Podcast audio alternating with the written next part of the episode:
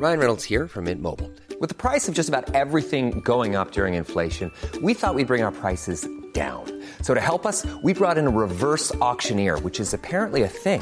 Mint Mobile unlimited premium wireless. Ready to get 30, 30, bit to get 30, bit to get 20, 20, 20, bit to get 20, 20, bit to get 15, 15, 15, 15 just 15 bucks a month. So, Give it a try at mintmobile.com slash switch. $45 upfront for three months plus taxes and fees. Promo for new customers for limited time. Unlimited more than 40 gigabytes per month. Slows. Full terms at mintmobile.com. Even when we're on a budget, we still deserve nice things. Quince is a place to scoop up stunning high-end goods for 50 to 80% less than similar brands. They have buttery soft cashmere sweaters starting at $50, luxurious Italian leather bags, and so much more. Plus, Quince only works with factories that use safe, ethical, and responsible manufacturing. Get the high-end goods you'll love without the high price tag with Quince. Go to quince.com slash style for free shipping and 365-day returns. Hold up. What was that? Boring. No flavor. That was as bad as those leftovers you ate all week. Kiki Palmer here, and it's time to say hello to something fresh and guilt-free. Hello Fresh. Jazz up dinner with pecan-crusted chicken or garlic butter shrimp scampi. Now that's music to my mouth. Hello Fresh. Let's get this dinner party started. Discover all the delicious possibilities at hellofresh.com.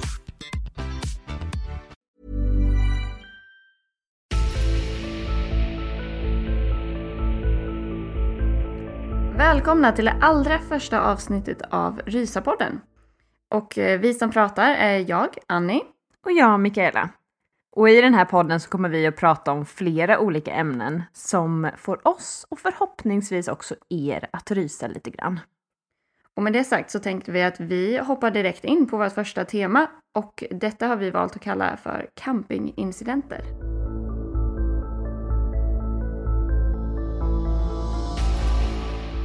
Temat är alltså campingincidenter. Och utifrån det här har ju vi valt att researcha varsitt ämne. Och jag ska prata om Lake Bodom-morden. Och det här var faktiskt någonting som jag inte hade hört talas om innan jag började researcha. Men Lake Bodom, eller Bodomträsk, är en sjö som ligger vid staden Esbo, ungefär två mil från Finlands huvudstad Helsingfors. Och där skedde ett av Finlands mest uppmärksammade och brutala mordfall. Även eh, idag är ingen dömd för de här morden, men det har funnits ett antal misstänkta. Och frågan kvarstår. Vad hände egentligen den där natten vid Lake Bodom?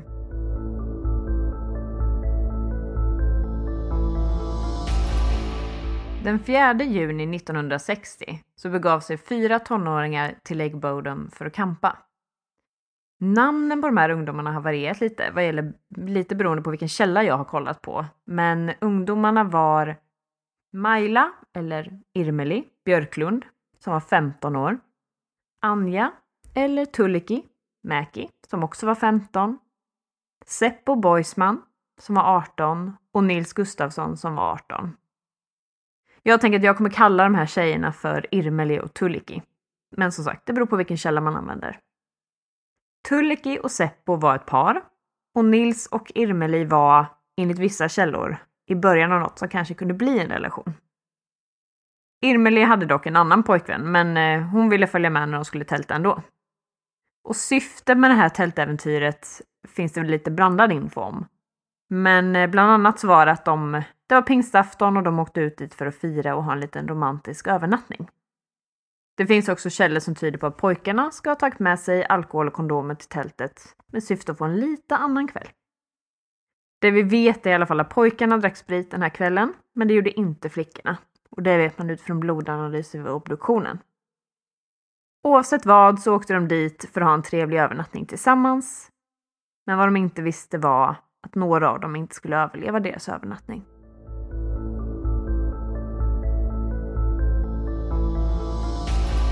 Tidigt på morgonen, någon gång mellan 04.00 och 06.00 den 5 juni 1960 så attackerades de här tonåringarna när de låg och sov.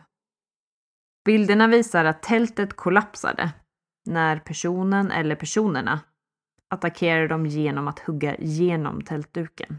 Alltså det här är ju allas mardröm. Jag vet, det här är varför man inte tältar. Ja, lite så. Mördaren var alltså aldrig inne i tältet, utan han högg utifrån. Och det finns bilder på den här brottsplatsen som visar att det var en väldigt blodig scen. Vissa har beskrivit det som någonting från en skräckfilm. Och känner man att man blir nyfiken så går det att googla. Om man bara googlar lik Bodomorden så kommer bilderna på det här sönderskurna tältet upp direkt. Mordvapnet var en kniv och någon form av trubbigt vapen. Men man har aldrig hittat de här vapnena. Efter de brutala attackerna så tog mördaren flera saker från offren, bland annat deras plånböcker och flera klädesplagg. Och många av de här sakerna hittade man sen, konstigt nog, en bit ifrån brottsplatsen. Medan vissa saker aldrig återfanns. Nils skor var en av sakerna som mördaren konstigt nog tog och lämnade cirka 500 meter från brottsplatsen. Utifrån blodanalyser som har gjorts så gjorde man bedömningen att mördaren hade haft på sig Nils skor. Okej. Det är lite konstigt Mm. kan man tänka eh, eftersom han då ska ha haft på sig dem och lämnat dem en bit ifrån brottsplatsen. Ja, den är intressant. Eller hur? Och om man då tänker på brottsplatsen och på offren så det man kan säga är att kropparna av paret, alltså Tulliki och Seppo, de hittade man i tältet. Och då hade ju alltså mördaren huggit genom tältduken Mm. och slagit dem med det här tillhygget genom duken. Irmeli, hon eh, var den som hade värst skador. Hon hittades liggandes på något sätt ovanpå tältet. Och hon var avklädd från midjan och ner. Och hon hade också fått flera knivhugg som hade gjorts efter att hon redan var död. Hennes då blivande, eller vad man ska kalla honom, pojkvän Nils. Han fanns också utanför tältet. Och han hade flera skador, fraktur i käken och ett stort knivsår i pannan och en hjärnskakning. Men han var vid liv. Mhm. Så han var den enda överlevaren av attacken. Och han påstår sig inte komma ihåg någonting.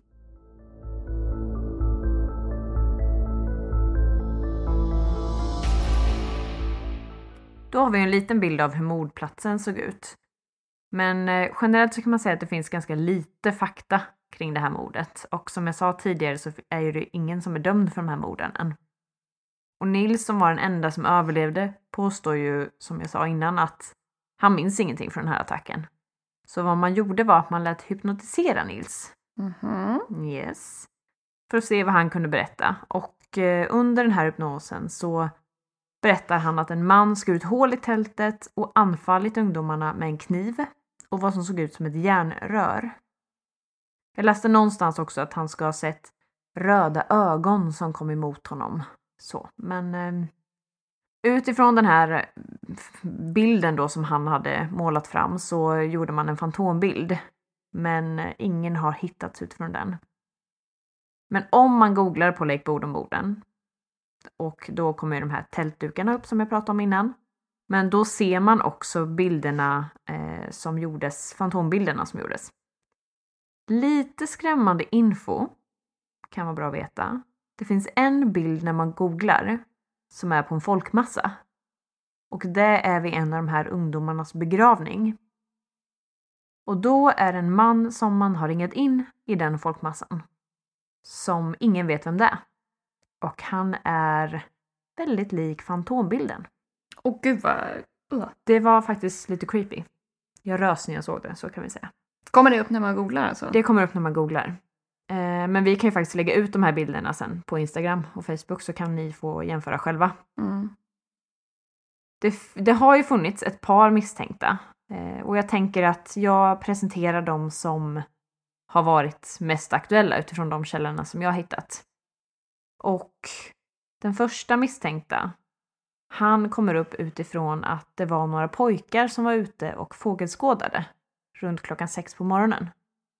Och det här är ju ungefär vid samma tid som morden ska ha ägt rum. Och de uppger sig ha sett en blond figur lämna området där morden ägde rum. Och de här ögonvittnena stämmer väl överens med en av våra misstänkta, Hans Assman. Jag vill ju först uttala hans namn ass man. Men insåg själv att jag kommer inte kunna läsa den här eh, texten då. Och jag hade nog inte kunnat lyssna Nej, med allvar. Nej, nej. Så Hans Assman. Låter bättre. Tack. Hans har en ganska speciell bakgrund. Han kommer från Tyskland. Påstår sig ha varit en SS-officer och en vakt vid Auschwitz. Han påstår sen att han skickades till östfronten och blev tillfångatagen av ryska styrkor och blev då en KGB-agent. Det finns dock inget som styrker att något av det här ska ha hänt. Mhm. Mm. Men Assman är också misstänkt för andra finska mord, men har inte blivit dömd för de morden heller. Och anledningen till att han är en av våra misstänkta är för att samma eh, natt eller morgon som de här morden ägde rum så dök han upp på ett finskt sjukhus med blodfläckar på kläderna och smutsiga händer. Oavsett om han är involverad eller inte så är det lite suspekt. Eller Kan man ju tycka. Men... Ja. Hans beteende beskrevs av dok- doktorerna som oroligt och aggressivt och han ska också ha försökt ljuga om sitt namn. Han är också väldigt lik den här fantombilden som gjordes. Eh, och det här är fantombilden som ögonvittnena gjorde, inte Mm. den som Nils gjorde. Då. Det finns flera. De som fågelskådade. Ja, precis. Och när han såg det här reportaget om morden, där man visade upp de här fantombilderna, då klippte han av sig sitt långa blonda hår.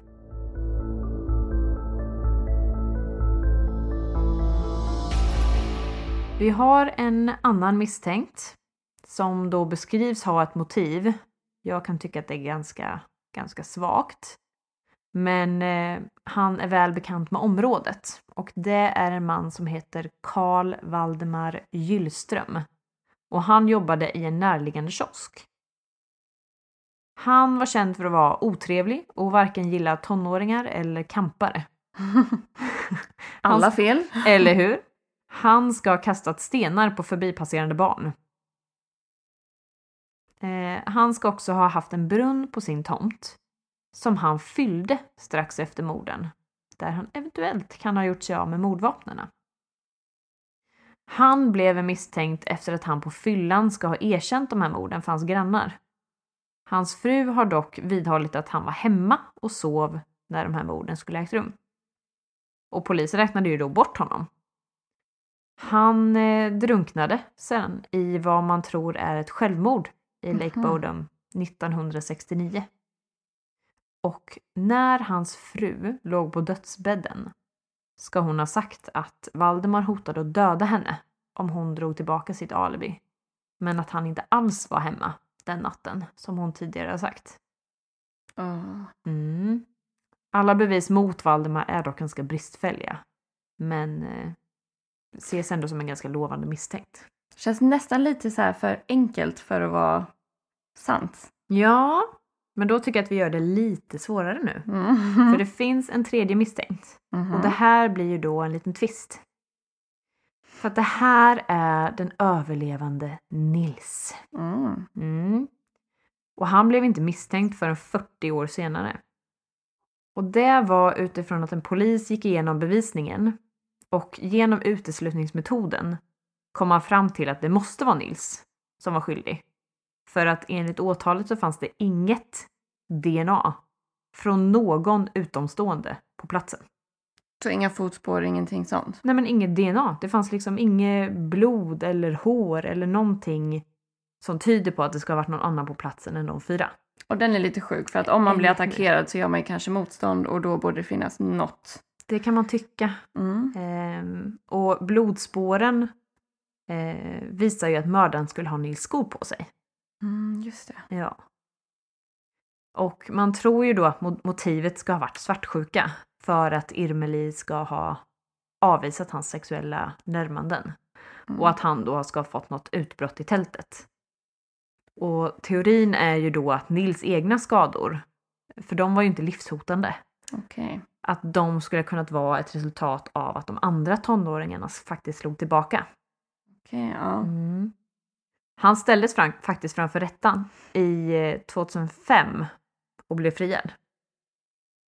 Och Nils har från dag ett sagt samma sak. Han minns ingenting och han är oskyldig. Och han har varit väldigt sparsam med att tala i media. Och ska också ha undvikit att prata om det här privat. Men när han inför rättegången för ovanlighetens skull mötte pressen så fick han frågan hur kan han vara säker på att han är oskyldig när han inte minns någonting? ja, den är ganska, um, ja, ganska lite, bra fråga ändå. Lite huvud på spiken. Mm. Och hans enda svar, han tänkte efter en lång stund och sen svarade han bara Jag är oskyldig. Och därmed basta.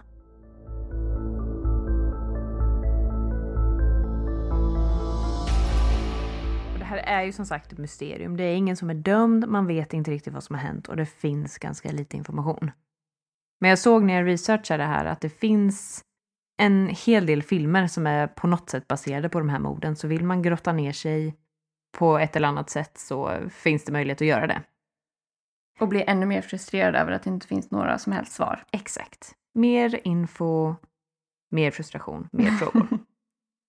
Men jag är lite nyfiken Annie på vad du ska prata om nu. Mm. Och det borde det faktiskt vara för att jag ska prata om någonting som kallas för olyckan vid Jatlovpasset.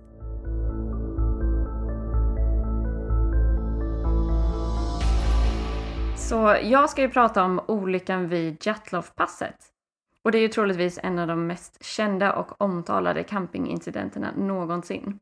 Och många känner ju till den här händelsen sedan innan och det finns otroligt många dokumentärer, böcker, podcast och filmer där just det här ämnet diskuteras. Eh, och oavsett vad så är det faktiskt så pass intressant att det tåls att berättas en gång till. Ja, man kan inte prata för mycket om Jatlovpasset. Nej, och speciellt för er som aldrig hört talas om det, för att eh, förbereda er på att bli indragna i en stor frågeställning.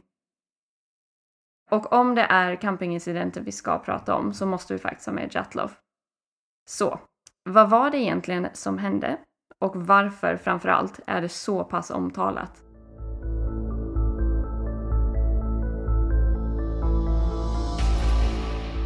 Olyckan vid Jatlovpasset var alltså en incident som skedde natten till den 2 februari 1959 i norra Uralbergen, som är en 2500 meter lång bergskedja i Ryssland. Och eh, detta resulterade i att nio unga människor dog under minst sagt mystiska omständigheter. Och det här bergspasset då, där den här olyckan skedde, har namngetts Jatlovpasset efter gruppens ledare som hette Igor Jatlov. Eh, och den här gruppen var en, eh, ett gäng skidåkare som bestämde sig för att göra en eh, expedition i området. Ledaren i gruppen var som sagt Igor Jatlov och han hade med sig då eh, sju andra män och två kvinnor. Så det var totalt åtta män och två kvinnor.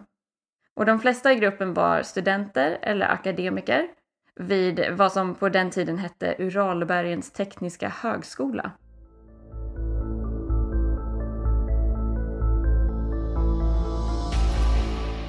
Om vi då går in lite mer på gruppens medlemmar så har vi då ledaren Igor Jatlov.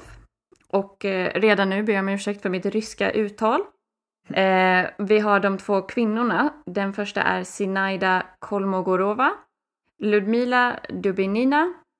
Sen har vi Alexander Kolevatov, Rustem Slobodan, Nikolaj Thibaut Brignols. Vi har Semyon Solotarjov. Och sen har vi tre Jurij Jurij Krivonchenko, Jurij Doroshenko och Jurij Judin. Och de yngsta i den här gruppen var 21 år gamla. De övriga var runt 23 till 25 år gamla. Och den äldsta i gruppen, Semyon, han var 38 år så han var ändå betydligt äldre än de andra i gruppen. Eh, men Jurij Judin som är den sista av de tre Jurish Eh, han blev sjuk precis i början av den här expeditionen så han blev faktiskt tvungen att stanna hemma. Så han följde inte med och är därför gruppens enda överlevande. Lyckliga jury. Ja, han var glad att han slapp där. Mm.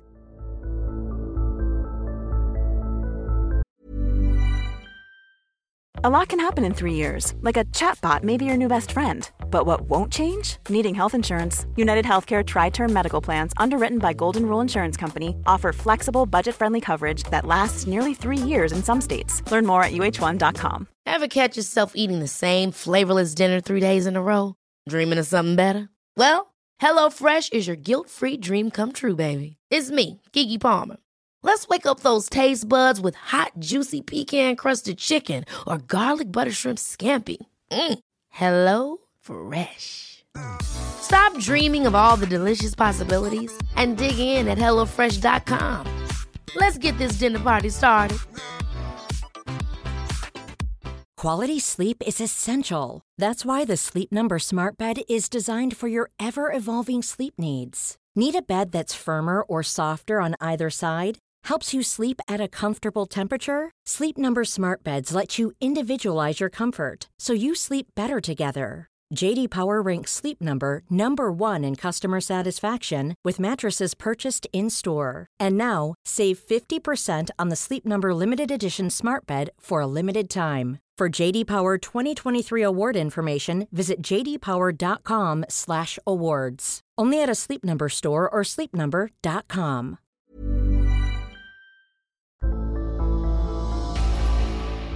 Nu när vi har pratat lite om eh, gruppens medlemmar så eh, kan vi gå in lite på syftet med expeditionen, vilket var att nå ett berg vid namn Otorten, eller också Gora Otorten. Och den här expeditionen eh, var oerhört tuff och klassades som den svåraste kategorin. Men alla i den här gruppen var väldigt erfarna och otroligt kompetenta, så det borde inte ha varit några större konstigheter. Och de hade alltså gett sig av och var på väg mot det här berget, och Torten. och på vägen så drabbades de av eh, riktigt hårda snöstormar och eh, dåligt väder överlag som ledde till minskad synlighet för gruppen.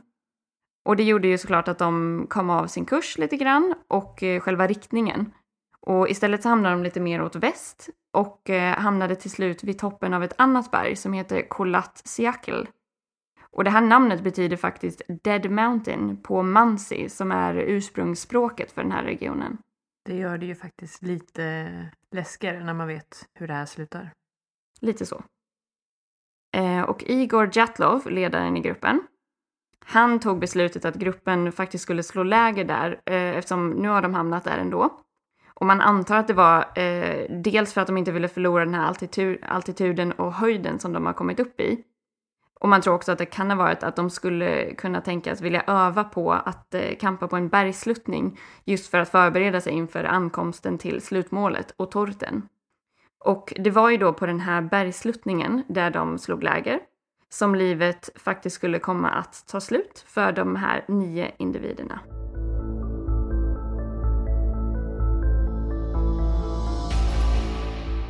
Det man vet är att gruppen slog läger de åt middag och gick och la sig. Men det är vad som hände efter det som skapar enorma frågetecken och framförallt vilda spekulationer. Igor hade, hade meddelat hemmabasen att han och gruppen skulle skicka ett telegram så fort de hade kommit fram till slutmålet. Och när man då inte hade hört någonting från gruppen efter de, det beräknade datumet de hade kommunicerat att de skulle vara framme så valde man att skicka ut en sök och räddningsgrupp för att undersöka vad som kunde ha hänt gruppen.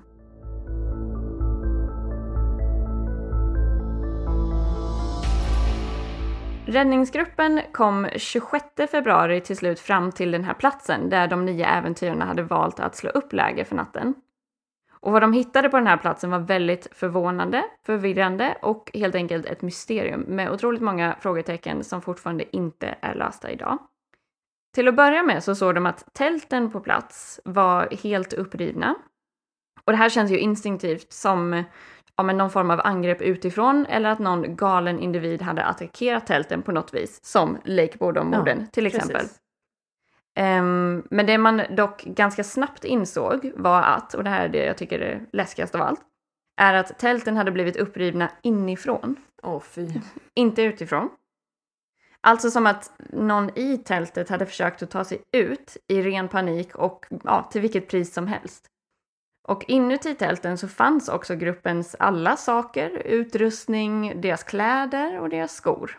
Runt omkring det här lägret så hittade man åtta eller nio par fotavtryck som visade på att människorna hade varit barfota i strumplästen eller att man hade haft på sig någon enstaka sko bara. Så det är inte med stora vinterkängor man har haft utan det är väldigt lättklädda. Eh, och de här fotspåren ledde till skogen som låg ungefär 1,6 kilometer bort från det här lägret. Och vid den här skogen Under ett väldigt stort träd så hittade man rester av en eldplats som man antar att gruppen hade gjort upp. Och runt det som fanns kvar av den här eldplatsen så hittade man de första två kropparna. Och det var Yuri Krivonchenko och Yuri Doroshenko. Och båda två hade endast underkläder på sig. Vilket var väldigt konstigt eftersom det var iskall vinter och runt 15 minusgrader. Efter det så hittade man tre kroppar till. Och det var Igor Jatlov, Sinaida Kolmogorova, en av kvinnorna, och Rustem Slobodan. Och de hade alla dött på vägen tillbaka till lägret från det stora trädet vid eldplatsen där man hade hittat de två första kropparna.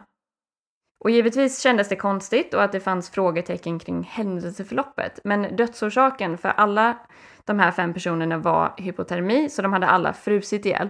Vilket inte är jättekonstigt med tanke på att det var mitt i vintern och vissa hade bara underkläder på sig. Men det var när man hittade de resterande fyra kropparna, och det var runt två månader senare, som det hela blev riktigt, riktigt sjukt. Och eh, det var på grund av att de här kropparna hittades i en ravin eh, som låg runt 75 meter längre in i skogen än de andra kropparna. Och dödsorsaken för de här personerna var någonting helt annat än hypotermi.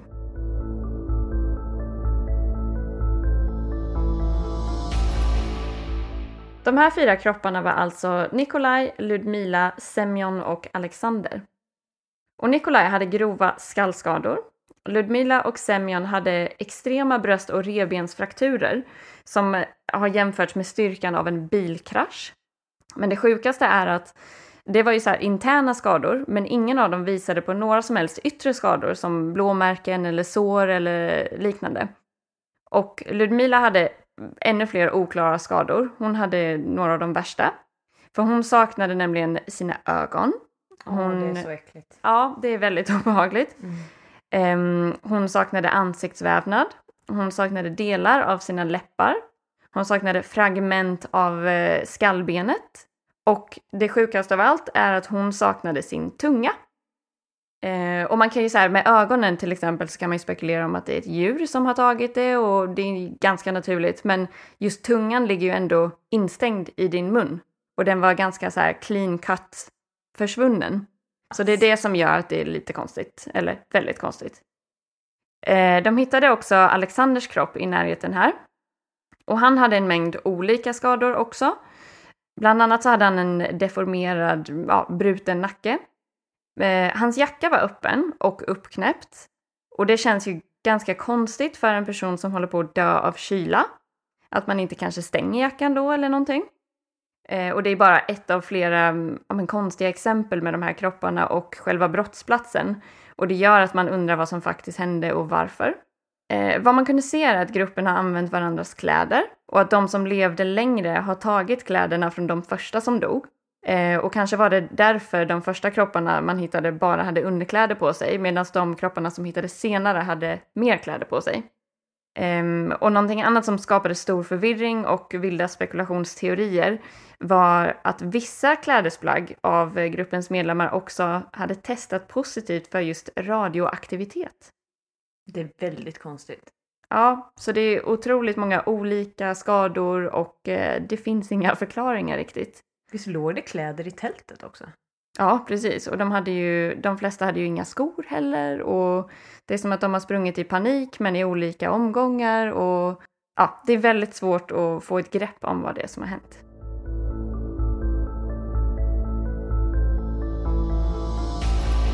Om man ska försöka sammanfatta det här kan man ju säga att det finns otroligt många frågetecken och saker att ta hänsyn till i det här fallet. Och jag har inte gått in på alla detaljer överhuvudtaget för att tiden kommer inte räcka till.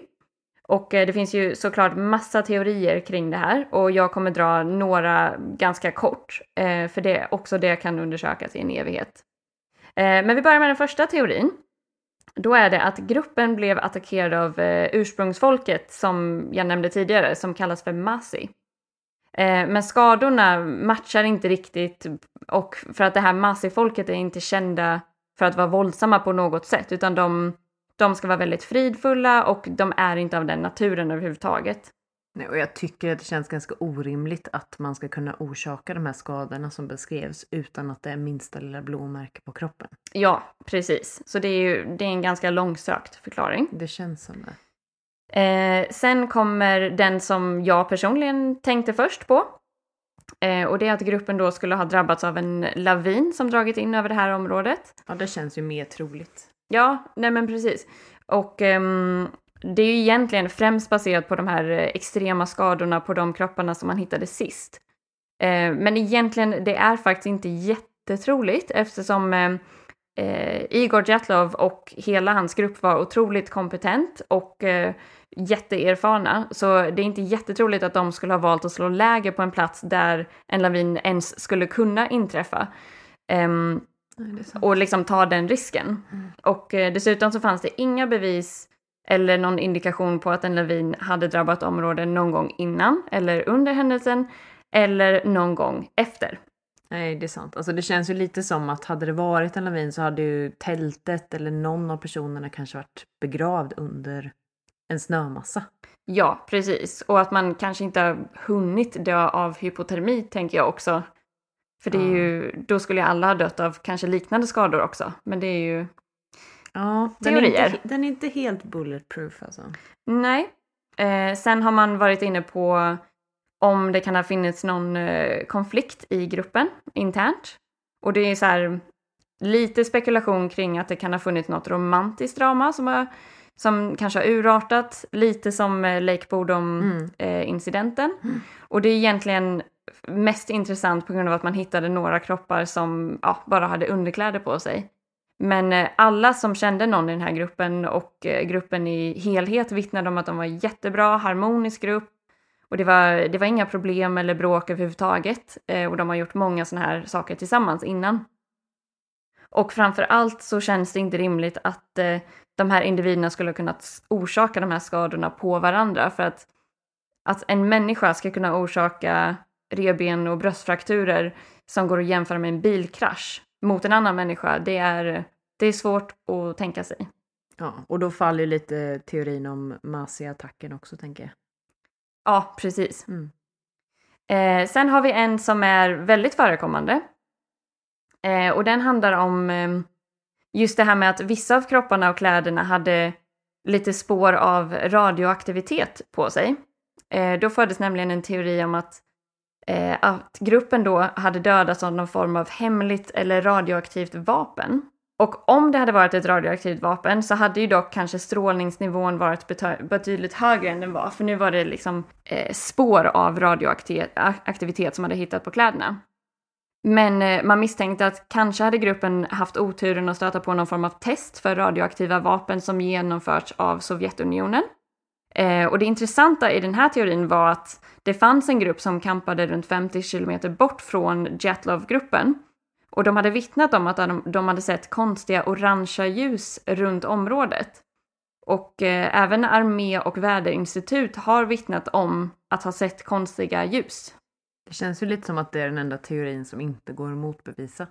Ja, för det, det känns lite kanske halvflummigt, men det är så här, ja, Mm. Vad ska man annars skylla det på? Ja, lite så.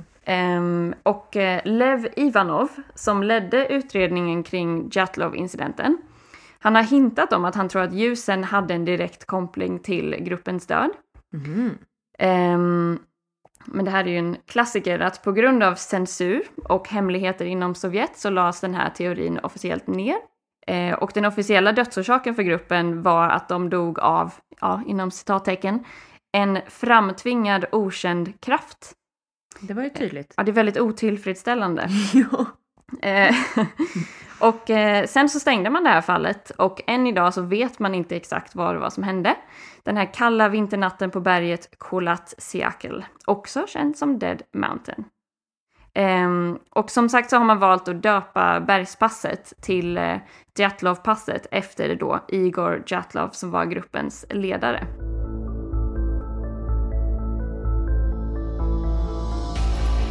Så om man ska försöka sammanfatta det här kan man säga att det finns otroliga mängder teorier och tankar om hela det här ämnet. Så om man vill läsa på mer och tycker att det är intressant så kan man absolut göra det. Och mm, du kan hitta allting från eh, om en journaler och dagböcker som ska ha tillhört eh, gruppens medlemmar. Och du kan hitta obduktionsrapporter, men där säger jag bara varning för obehagliga bilder. Men, eh, och du kan läsa ännu mer om alla de här olika teorierna som finns. Så det är otroligt intressant ämne, men vi har skrapat lite på ytan, så det var en väldigt light version av Chatloaf-passet. Verkligen, det ger mer frågor än svar. Vad tror du händer då? Jag har inte bestämt mig för att jag, jag har varit inne på så många olika sidor och läst. Men jag känner, Lavin var jag inne på men kände att nej, det går inte ihop. Nej. Så det, mm, det kan vara de här ljusen på något sätt. Och just att han utredaren går in och säger att så här, jag är övertygad om att det här är, har någonting med det att göra. Och att det blir bortcensurerat, det är lite suspekt. Ja, alltså det känns ju lite som att det är hans sätt att säga så här, det här är anledningen men jag kan inte bekräfta det. Ja, eller prata mer om det. Ja, sjukt spännande i alla fall. Verkligen. Men eh, är vi sugna på att campa eller? Nej, alltså jag känner att eh, hotell känns ypperligt. Tur att det är ett tag tills eh, sommaren slår till. Men då har ni alltså lyssnat på det allra första avsnittet av Rysapodden. Och vi har haft jätteroligt när vi har spelat in det här och vi säger tack till er som har lyssnat överhuvudtaget och speciellt tack till er som har lyssnat ända in till slutet. Yes, och vi har ju då skaffat Facebook för Rysapodden. Och Instagram. Just det. Och eh, överallt så heter vi Rysarpodden så hitta oss gärna där, följ oss eller skicka DM, eh, frågor, tankar, vad som helst. Och gärna teman. Vi kommer ju börja jobba på avsnitt två nu. Mm. Så alla tips mottages tacksamt. Tack för att ni har lyssnat. Tack så mycket. Hej då! Hej.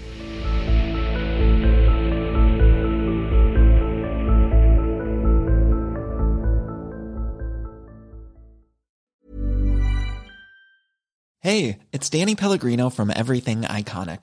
Ready to upgrade your style game without blowing your budget? Check out Quince. They've got all the good stuff shirts and polos, activewear, and fine leather goods, all at 50 to 80% less than other high end brands. And the best part? They're all about safe, ethical, and responsible manufacturing. Get that luxury vibe without the luxury price tag. Hit up quince.com slash upgrade for free shipping and 365 day returns on your next order. That's quince.com slash upgrade.